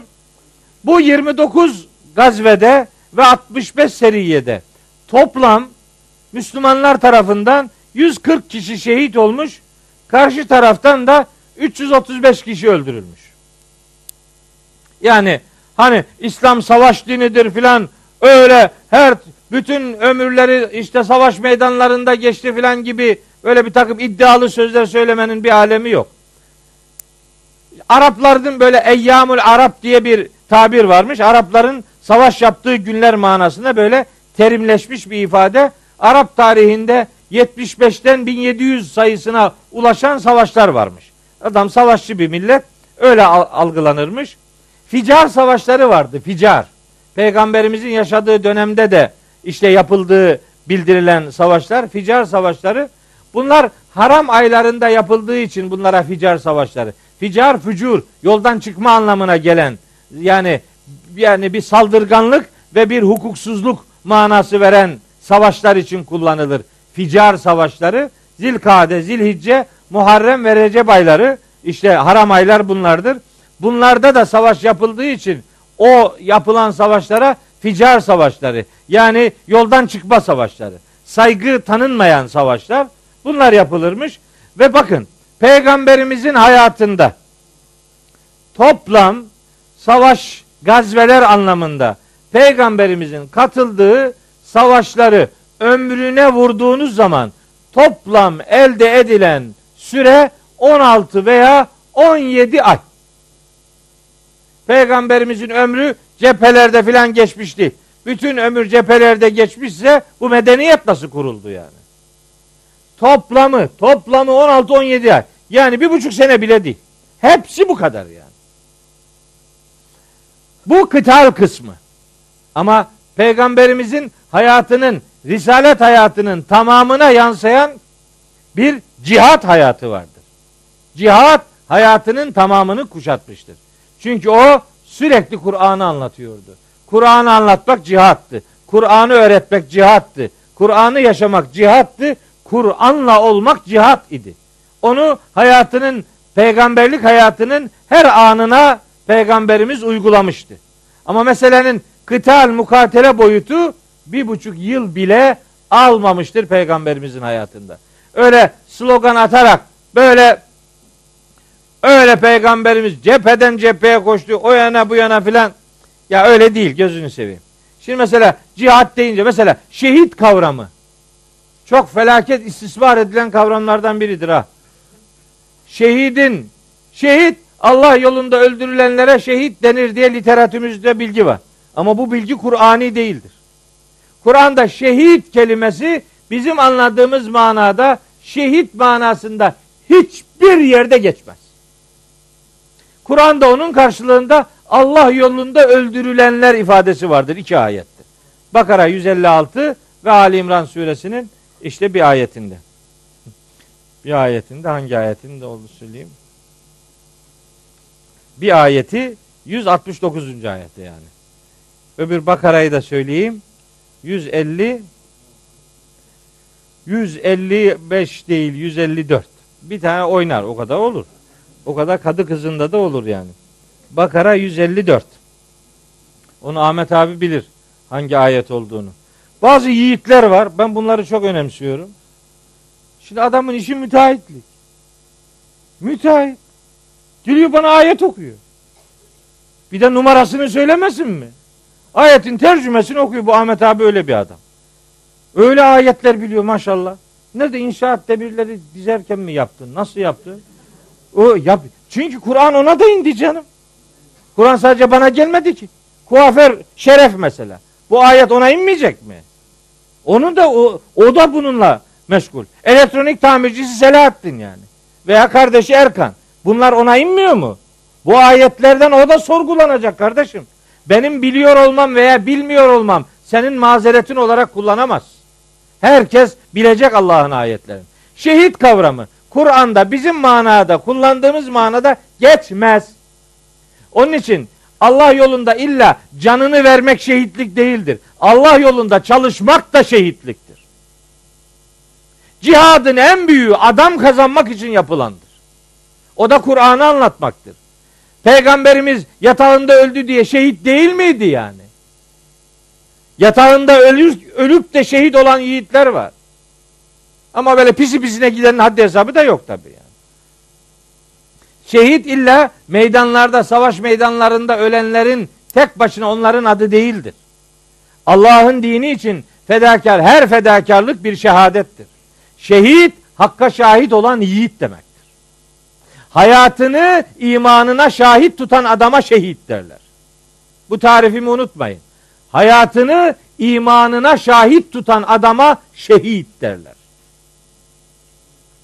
Dolayısıyla kavramı böyle genç genç insanları orada git öl burada git öl diye o yana bu yana sürmenin bir alemi yok. Hakikatı kavramak için yapılan her fedakarlık bir şehadettir.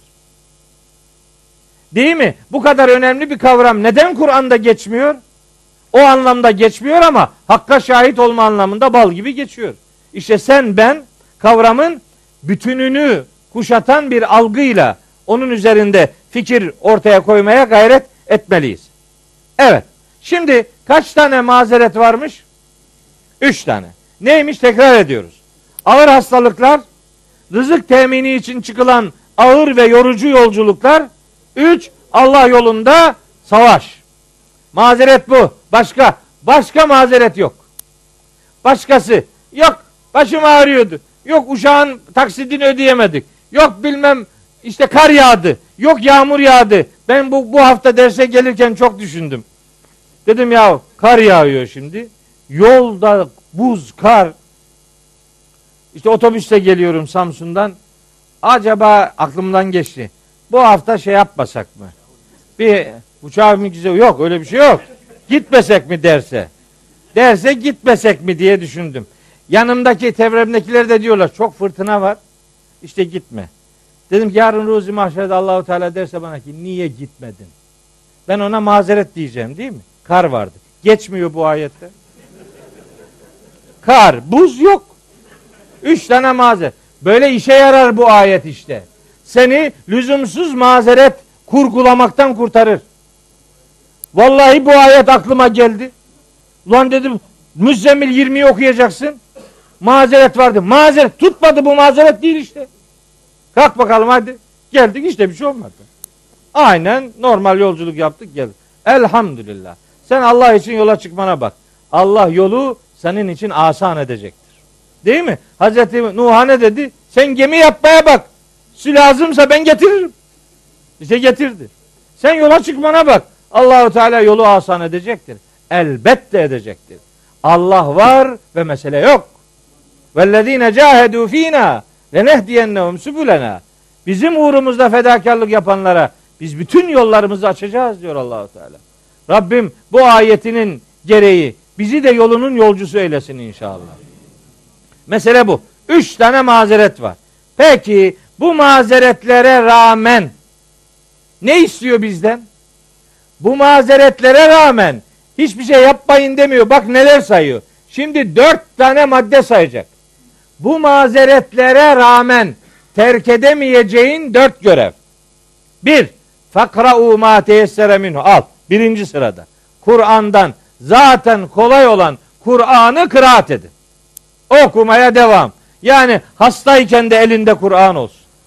Yolculuktayken de elinde Kur'an olsun. Cihat meydanında, kıtal meydanındayken bile elinde Kur'an olsun. Öyle diyor. Bu mazeretlere rağmen terk edemeyeceğin en önemli görev Kur'an'ı anlayarak okumaktır. Kur'an'ı anlayarak okumaktır. Kıraat etmek yani. Ya doktor ameliyat yaparken ayetleri düşünebilir. Mühendis çalışma yaparken ayetleri düşünebilir. Çiftçi çiftçilik yaparken ayetleri düşünebilir. O ayetlerin ondan neler istediğiyle ilgili bir beyin çalışması yapabilir. Yani hastayım, hiçbir şeyle ilgilenmiyorum dedirtmiyor bak. Yolculuktayım, durum ağır, ben bir şey yapamam dedirtmiyor. Kur'an'ı okumaya devam edeceksin. En ağır şartlarda bile. Bunu terk edemezsin.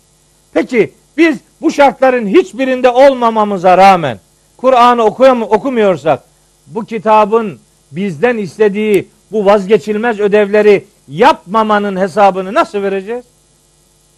Bu mazeretler bile seni Kur'an okumaktan alıkoymayacak diyor.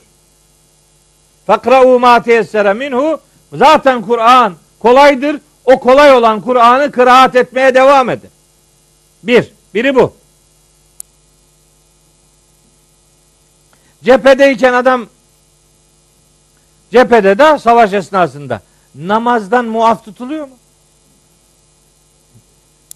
Cephedeyken namazdan muaf tutulmuyor. Tevbe sur şey Nisa suresi 101, 102, 103. Aç oku. Aç oku. Nisa 101, 102, 103'ü oku ama anlayarak oku. Bak bakayım buradan otobüse binip veya kendi arabana binip yolda giderken namazı kısaltabiliyor musun? Bak bakayım yüreğin acıyor mu acımıyor mu? Değil mi? Seferi namaz da şey, böyle bir şey var. Namazı kısaltıyor. Seferde namazı kısaltıyor. Hangi sefer? O senin dediğin sefer değil o. Bu savaş yolculuğu bu. Binmişsin arabaya gidiyorsun. Seferiyim. Yok canım. Seferisin. Sevsinler senin seferiliğini. Gezmeye gidiyorsun be. Ne seferisi? Namazı kısaltıyor beyim. Bir de ne demezsin? De ne desin? Allah affe Allah ikram etti. Allah Allah. Allah ikram etti. Allah ikram ettiyse bu burada olur. Göstersene.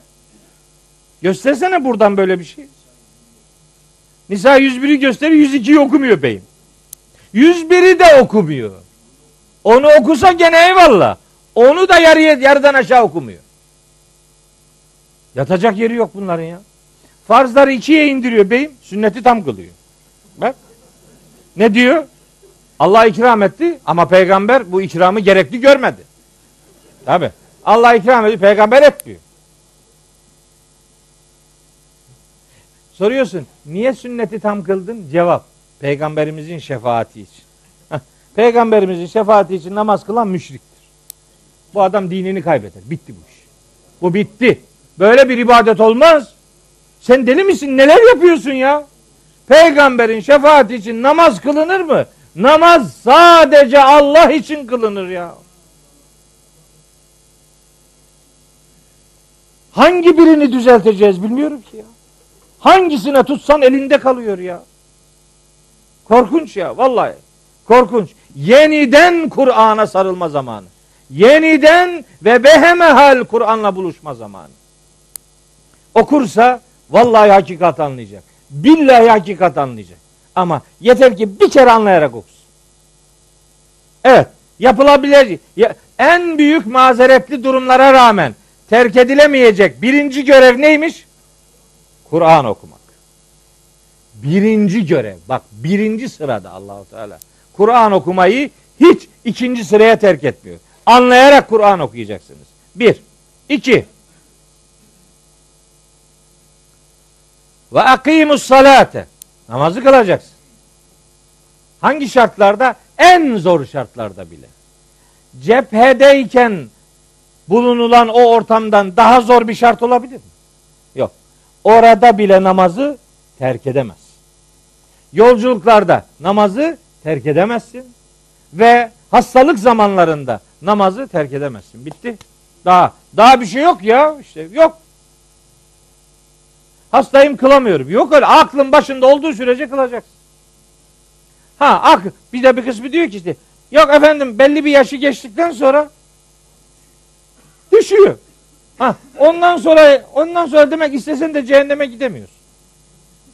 Farzların hepsi düşüyor. Efendim belli bir yaşı geçtikten sonra Allah o kuluna azap etmekten haya edermiş. Bak bak bak bak.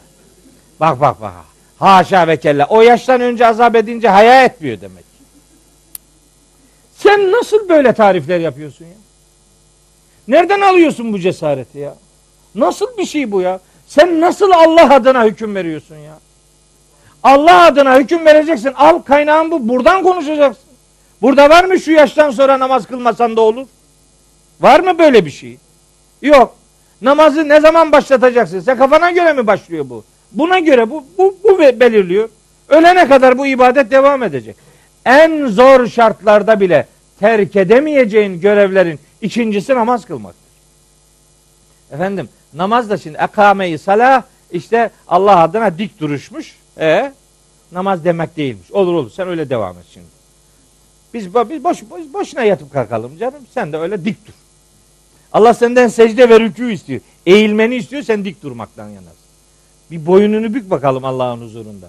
Bunun adı rükûdur ve secdedir. Namaz kılınacak kardeşim. Bunun lamı cimi yok. Ne zaman? En zor şartlarda bile namaz terk edilemez. Bitti. Ha, tabii ha öyle de diyorlar. Namazın Kur'an'da namaz beş vakit namaz yok. Ne var? İki vakit var. Yok yok indir canım bir. Hatta adı bir tane geçir. Cuma. Haftadan haftaya bir tane git tamam. O da erkeklere. Kadınlara cumada yok. Hiçbir şey yapmazlar. Bayramda yok. Bayram yok. Cuma yok. Kur'an'da namazın vakitleri de yok. Bir şey yok. Ne var peki burada? Nasıl bir kitap bu ya? Bunda namazın vakitleri yok. Öyle mi? Öyle mi zannediyorsun? Vallahi var. Billahi var. Hem de beş vakit. Beş vaktin beşi de var. Bütün rükünleri var. Var Kur'an'da. Peygamberimiz Kur'an'daki o hükümleri anlayarak namazı beş vakit kılmıştır. Namaz beş vakittir diye ona ayrı bir vahiy gelmiş değil. Bu vahiyden beş vakti anlamış ve uygulamıştır.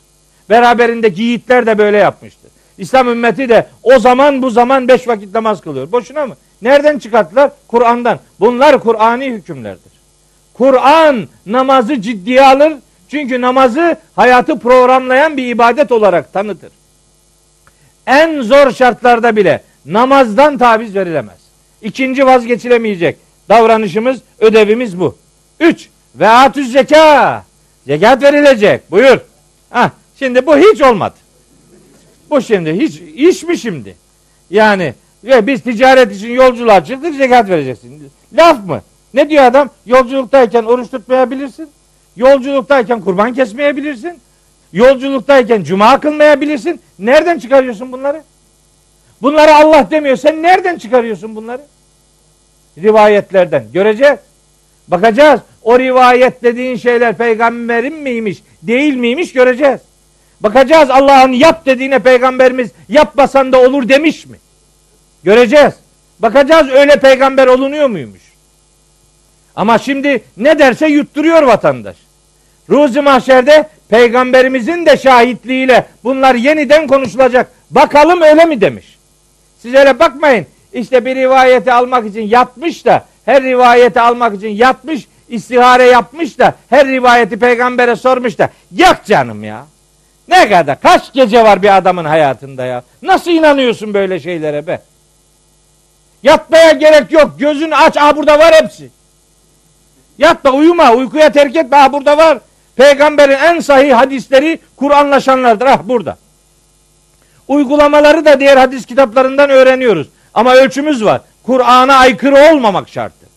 Çünkü peygamberimiz Kur'an'a aykırı konuşmaz. Kur'an'a aykırı konuşan bir adam peygamber olamaz. Bu kadar. O hadis kaynaklarındaki rivayetleri Kur'an'a uygunluk şartıyla alır öğreniriz. Hepsine rahmet okuruz. Büyük hizmet yapmışlardır. Allah makamlarını cennet etsin. Ama hiçbir insan hatadan beri değildir. Hatalar olabilir. Bizim hata mıdır değil midir ölçümüz Kur'an'ın hakemliğidir. Kur'an'ı. Bu tabi zor bir iş. Bunu yapabilmek için Kur'an'ı bilmek lazım. Garibim Kur'an'dan haberi yok. O zaman Kur'an dışında başka otoriteler icat ediyor. Bu otoriteleri icadın bir alemi yok. Otorite Kur'an'dır. Kur'an'ın hakemliğinde hakikati kavramaya gayret ederiz hepimiz. Üçüncü görev bu. Zekat terk edilemeyecek. Tek başına konu zekat olsaydı neler söylerdim şimdi neler. Ama medeni sureler gelir inşallah ömrümüz yeterse. Medeni sureler gelir ve orada zekat, infak, sadaka kavramları üzerinde dururuz. Bakalım bu zekat şimdi milletin anladığı gibi miymiş? Bakalım bu kitap öyle mi diyormuş? Bakalım milletin iddia ettiği gibi zekat kardan mı vergiymiş, maldan mı vergiymiş? Göreceğiz. Ha, kırkta bir, züğürtün şey, kırkta bir. Onu da verse. Hadi adam gelip şimdi diyor ki hocam ben nereden zekat vereceğim? Bizim arkadaş başlıyor nereden zekat verilmeyeceğini sayıyor. Ya adam sana nereden vereceğini soruyor. Sen niye verilmeyecek şeyleri sayıyorsun? Verilmeyecek şeyleri sayarken de ne diyor? Bir, evden yok. Hiçbir evden. İki, arsa yok. Üç, araba yok. Dört, inşaat yok. Ne var? Birikmiş paran varsa. Hadi oradan be. Kimsenin parası yok öyle. Peki fakirlerin durumu ne olacak? Onların her sene sayıları artıyor. Niye? Zekatı vermiyorsun onun için. Zekatı vermiyor bu toplum. Tabi tabi. Sene üzerinden bir yıl geçecek. Tam yıl yanaşınca hanıma devrediyor. Bir ay geçiyor alıyor üzerine. Bunun adı ne biliyor musunuz? Yok yok. Bunun adı başka bir şey. Bunun adı bizim literatürümüzde var. Hile-i şer'iye. Bak hem şeriat hem hile. Kime hile? Allah'a. Görüşeceğiz. Bakacağız sökecek mi bu? Sen belki beni kandırırsın da bakalım Allah'ı kandırabilecek misin? Hem şeriat hem hile öyle mi? Yazık olsun be. Yazık olsun be. Böyle mi? Allah'ın huzuruna bu kafayla mı çıkacağız? Kaçırdık, kaçırdık, kaçırdık. İslam ümmetini darma duman ettik. Zekatı toplumun gündeminden çıkardık. Şimdi bir tane daha var. Bunu zaten kimse bilmiyor. O da dördüncüsü. Ve akridullah kardan hasena. Allah'a en güzel şekilde borç verin. Allah'a borç vermek. Bunu tercüme ederken diyorlar ki Allah için borç vermek. Hayır. Bu o değil. Allah için borç vermek anlamına gelseydi ekridu lillahi olacaktı. Bu beş yerde geçer Kur'an'da. Beşinde de ekridullâhe diye geçer. Allah'a borç vereceksin. Allah için borç vermek de sevaptır elbette. El garimin borçlulara yardım etmek zekat verilecek sekiz gruptan biridir tamam. Ona bir şey demiyorum. Ama bu kardı hasen denen şey Allah için borç vermek değil. Allah'a borç vermektir. Niye? Karşılığını Allah'tan alacaksın. Vereceksin, ondan almayacaksın. Adamdan almayacaksın. Karşılığını Allah'tan bekleyeceksin. Buna kardı hasen derler. En güzel borç Allah'a verilendir. Biz biz Allah'a Allah için borç veriyoruz ama Allah'a borç vermiyoruz. En garantili muhatap Allahu Teala'dır. Ona ver o sana kat kat fazlasıyla verecek. Şimdi bakın katlama ile ilgili çok çarpıcı bir şey söyleyeceğim.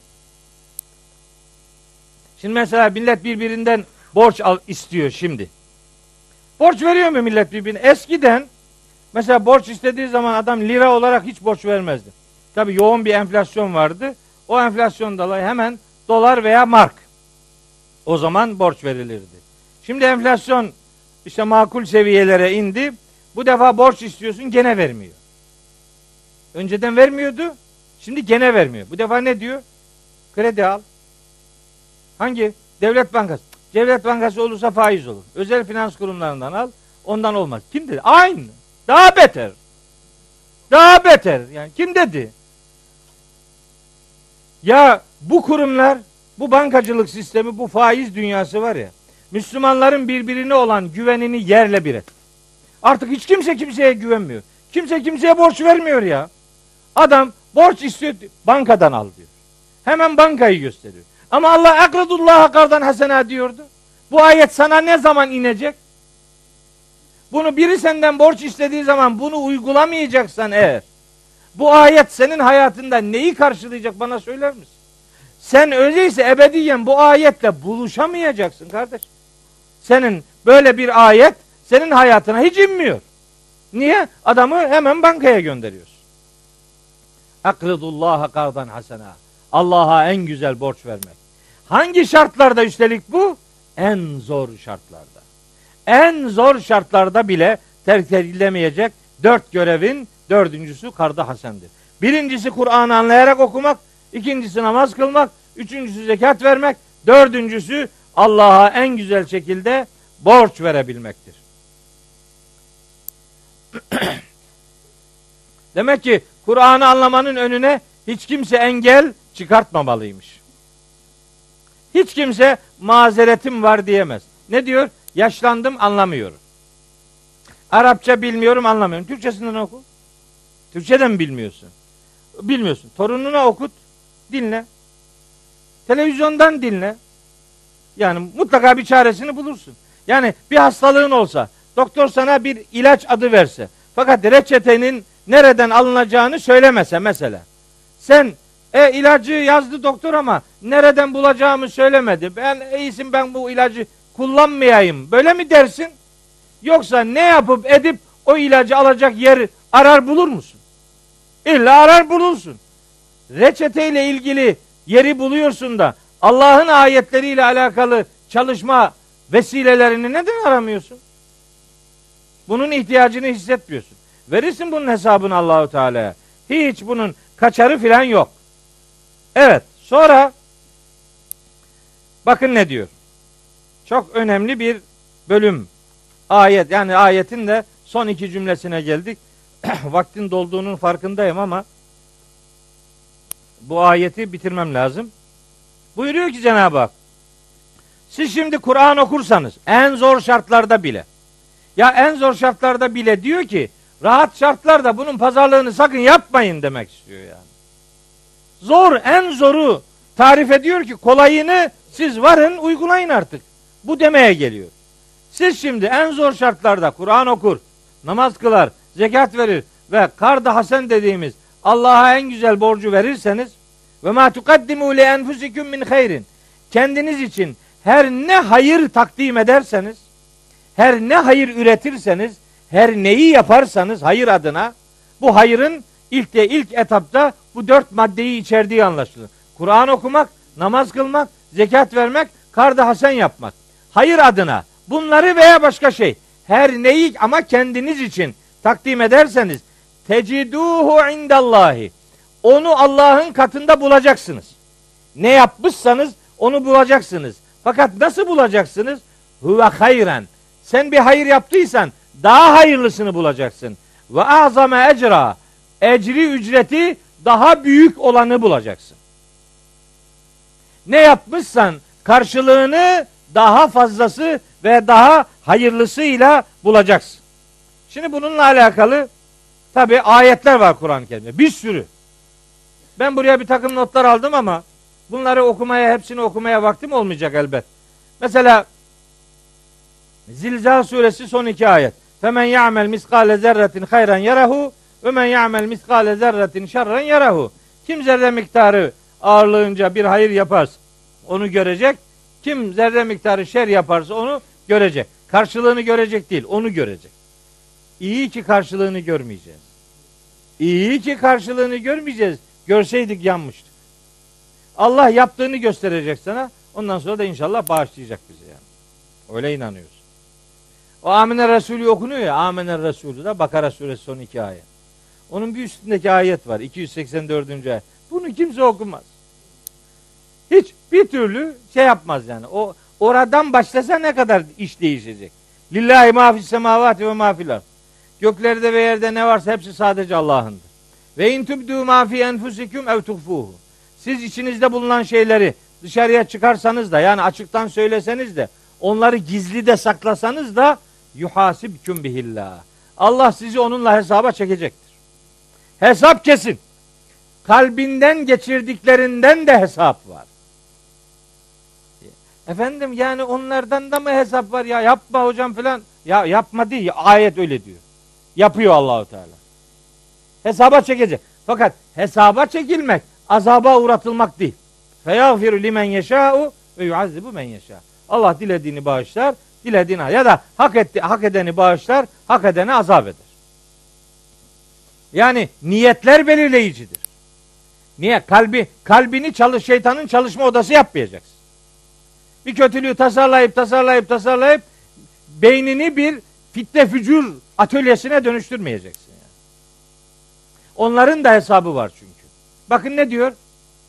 Mülk suresinin 13-14. ayetlerinde. Ve esirru kavleküm ebiceru bihi. Ve esirru kavleküm. Sözünüzü ister gizleyin, ebiceru bih. İsterse açıktan söyleyin. İnnehu alimun bidati sudur. Allah kalplerin derinliklerinde olanları bilir. Ela dikkat edin. Ya'lemu men halak. Yaratan bilir. Yaratan her şeyi bilir. Ve huvel latiful habir. Latif olan yani her türlü bilgiye ulaşabilen, habir olan yani her şeyden haberdar olan sadece Allah'tır. Mesela hayret buraya yazmamışım. Şey var. Rahat suresinde var. Sevaun minküm men eserrel kavle ve men cehara bihi ve men huve müstakfin billeyli ve saribun bin nehar. Sözü gizleyen de, açıktan söyleyen de, gündüz yapan da, gece derinliklerine, karanlıklarına sağlayan, saklanan da hepsi Allah için bir. Allah'a hiç kimse bir şeyi gizleyemez.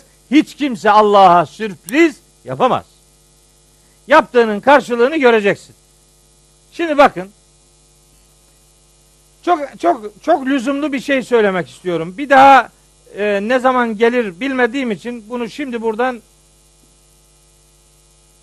söyleme söyleyeyim mi? Bu uzun gidecek bu ya. Yani kötülüklerin karşılığıyla alakalı neler söyleniyor Kur'an'da?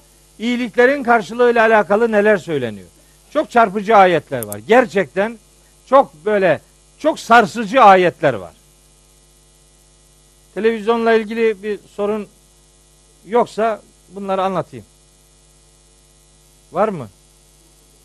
Kameraman kardeşim. Ne desin adam? Var nasıl diyecek? Asıl merkezden bir ses var mı? Cimici arkadaş. Problem yok. Burada cimi yok. Niye? Böyle gezen kameralar var bir tane. Böyle ona cimi diyorlar. Sürekli korkutuyor beni. Böyle arkamdan getiriyor onu. Tam konuşurken bir bakıyorum ki buradan bir şey geliyor. irkiliyorum yani. Meğer işte masum kamera. Kamera masum da kameramanda hinlik var yani. Buradan getiriyor. Korkutuyor adamı yani. Şu arkadaş o cimi işini yapan arkadaş onun için hatırladım. Şimdi kötülüklerin karşılığı Kur'an'da özetleyerek söyleyeyim. Kötülüklerin maksimum karşılığı kötülük kadardır. Kötülüğün en çok karşılığı kötülük kadardır. Bunun Kur'an'dan çok çarpıcı ayeti Şura 40. ayettir. Ve ceza'u seyyiyetin seyyiyetün misluha. bir kötülüğün karşılığı en çok dengi kadardır. Bitti. Bu anlamı veren başka ayetler de var ama bir bu yeter yani. Maksimum kötülüğün karşılığı maksimum kötülük kadardır. Niye maksimum? Çünkü affedilebilir de. Bunun affedilme ihtimali de var. Onunla ilgili ayetler de var. Mesela la taknadu min rahmetillah. İşte Zümer suresi 53. ayet. Allah'ın merhametinden ümidinizi kesmeyin. İnna Allah yağfiru zunube cemia. Allah bütün günahları bağışlayabilir. Bitti. O zaman kötülüğün en çok karşılığı kötülük kadar. Minimum minimize edilebilir, affedilebilir. Bunun Kur'an'i versiyonları var. Peki ya iyiliklerin karşılığı? İyiliklerin karşılığı olarak size altı tane madde söyleyeceğim. İyiliklerin karşılığı olarak. Bir, iyiliklerin karşılığı minimum iyilik kadardır. Yani bir iyiliğin karşılığı en az o iyilik kadardır. En az ne demek? Fazlası gelebilir demektir. En az iyilik kadardırın karşılığı işte burada yazdım. Bakara 272, Nahil 30, Zümer 70, Necim 40 41, Rahman 60. Rahman 60'ı söyleyeyim. Hel cezaul ihsani illel ihsanu. Her bir iyiliğin karşılığı en az o dengi kadar iyiliktir. Bir iyiliğin karşılığı o kadardır. Halit Hoca gitme. İyi hadi bakalım. İki, iyiliğin karşılığı iyiliğin biraz fazlası olabilir. Bu ikincisi. İyiliğin karşılığı yani daha güzeli. Tam denk iyilik değil, bir artı puan daha fazla olabilir. Yunus 26, Nemil 89, Kasas 84, Zümer 35, Ahkaf 36, 16. İyiliğin karşılığı daha güzel iyilik olabilir. Lillezine ahsenu iyilik yapanlar için vardır ne? El husna. Daha güzeli vardır. Bak daha güzeliyle karşılanıyor. Diğer ayetlerde var. Men caa bil haseneti felehu hayrun minha. Kim bir iyilikle gelirse ona daha hayırlısı vardır. Bu ikinci tür. Diğer ayetleri okumuyorum. Üç, iyiliğin karşılığı iyiliğin çok daha fazlası olarak da verilebilir. Daha fazla, çok fazla ama. Artı bir değil. Birkaç puan daha fazla olabilir. Yunus 26. Lillezine ahsenul husna ve ziyadetün. Güzellik yapanların karşılığı daha güzelidir ve çok daha fazlasıdır. Daha fazlası veriliyor.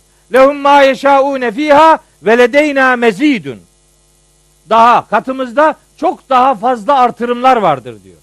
İyiliğin karşılığı çok daha fazlası olabilir. Bu üçüncü ihtimal. Dört, iyiliğin katı karşılığı on katı olabilir. Men ca'e bil haseneti felehu aşru emsaliha. Kim bir iyilikle gelirse ona onun on katı vardır. On katı karşılığı En'am suresi 160. ayet. İyiliğin karşılığı 700 kat olabilir. Bu da Bakara suresi 261. ayette verilir. Orada bir ekinden, bir hububat örneğinden söz eder Allahu Teala. Bir hububat es ekersiniz diyor. O yedi tane başak verir. Her bir başakta yüz tane ürün olur. Bir tane ekersin yedi yüz ürün olur. Yedi yüz ürün yani sevabın çok fazla katlanabileceğini gösterir. Hatta 700 700 katı da vardır yani onun. Bakara 261. ayet. İşte inne ma yuvaffas sabirun ecrehum bi gayri hesab. Sabredenlerin karşılığı hesapsız verilir yani. Sınırı yok bunun. Cezaen min rabbike ataen hisaba. Rabbinin bir ihsanı olarak hesapsız karşılıklar vardır cennetliklere. Bu beşinci tür karşılık. Altıncı tür ise Secde suresi 17. ayet. Fela ta'lemu nefsun ma uhfiye lehum min kurrati a'yunin. Ya hiçbir can mahşer sabahı onun için neler gizlendiğini, ne tür göz aydınlıkları, sürprizlerinin onu beklediğini bilemez. İyiliklerin altıncı karşılığı sürprize gebedir. Allahu Teala ne vereceğini icabında söylemiyor. Bakalım ne olacak? Sürpriz. Altı. Bunları anladık değil mi? Burada bir sorun yok. Peki neden bu altı farklı ödül var? Bunun bir sebebi olması lazım. Akledebildiğimiz, anlayabildiğimiz haliyle söylüyorum. Benim anlayabildiklerimi söylüyorum. Hepsi bundan ibarettir demiyorum. Başka hocaları da dinleyin. Başka kitaplar da okuyun. Başka algılarınız da oluşsun. Ben bu kadar algılayabildim, bu kadar öğrenebildim. Bu farklılıkların muhtemel beş tane sebebi vardır. Bir, gönlünün samimiyet durumuna göre. Gönlündeki sadakat nasılsa karşılık ona göre verilir. Neleri hissederek verdin? O yüreğindeki samimiyet ödülün nasıl katlanacağını belirler. Bir bu. İki, yapılan işin ve fedakarlığın önem derecesi ödülün katlamalı olmasını sağlayabilir. Yani bir uygulama vardır 5 puanlıktır. Bir uygulama vardır 15 puanlıktır. Yani fedakarlıkların önemi ve e, kalitesi ödülün de değişmesinin sebebidir. Bir puanlık ödül vardır, 100 puanlık ödül vardır. Ödül her bir görev standart değildir. Onun için farklı ödüller söz konusu olabilir. 3. İyilik yapanın durumu çok önemlidir. Şimdi düşünün. Mesela ben bir garibana bin lira para verdim. Ama bir başka abimiz kardeşimiz de bir garibana bin lira verdi diyelim. Ben on bin lira verebilecek durumdayken bin lira verdiysem öbür kardeşimiz maksimum bin lirası var hepsini verdiyse ikimiz aynı ödülü mü hak ettik? Hayır ya. Biri biri olanın hepsini verdi, biri verebileceklerinin minimumunu verdi. İkisi de aynı miktarı verdi. Önemli değil. Durumun belirleyicidir. Ne kadar verebileceksen ona göre ödülün şeklinde değişiklikler olur. Bu belirleyici üçüncü husustur. Dördüncü husus. Kime verdi ve ne zaman verdi? Biri olur, durumu sıkıntıda olan bir adama yardım eder. Diyelim bin lira. Biri olur, günü geçirebilecek, öğünü geçirebilecek imkanı olmayan bir adama yardım etti. Hangisi daha makbul? İkincisi daha makbul. Çünkü günü geçirecek mecali yok adamın. Öğünü geçirecek takatı yok. Onun ona yapılan iyilik kısmen daha iyi durumda olana yapılana göre çok daha kalitelidir. Çok daha fazla ödül getirir. Bu dördüncü husustur. Beşincisi yapılan iyilikten sonraki tutumun. İyilik yaptın. Sonra adamın ikide bir yüzüne vuruyorsan başa kalkma ve eziyet etme diyoruz biz buna. Başa kakılarak ve eziyete dönüştürülerek yapılan iyilikler sahibinin başına sadece ödül değil bela bile olabilir. Onun için İnsan suresinde anlatıldığı gibi innema nut'imukum li vecillah. Sizi Allah rızası için doyuruyoruz. La nuridu minkum cezaen ve la şükura. Bunun için sizden hiçbir karşılık ve hiçbir teşekkür beklemiyoruz diyebilmektir. İnfak malı verip malla ilişkisini kesmenin adıdır. Malı verip gözü malının arkasında akan adamın yaptığına infak demezler. İşte Bakara 264. ayet bu tür eziyete dönüşmek, başa kalkmak fiillerinin bir iyiliği iyilikten çıkartacağı gibi bir mana verir. Onu söylemiş oluyor. İşte ödüllerdeki beş farklı, altı farklı e, seçeneğin bulunmasının muhtemel beş sebebi aşağı yukarı bunlardır. Ve ondan sonra ayet bitiyor. Her şeye rağmen bir takım hatalarınız olabilir.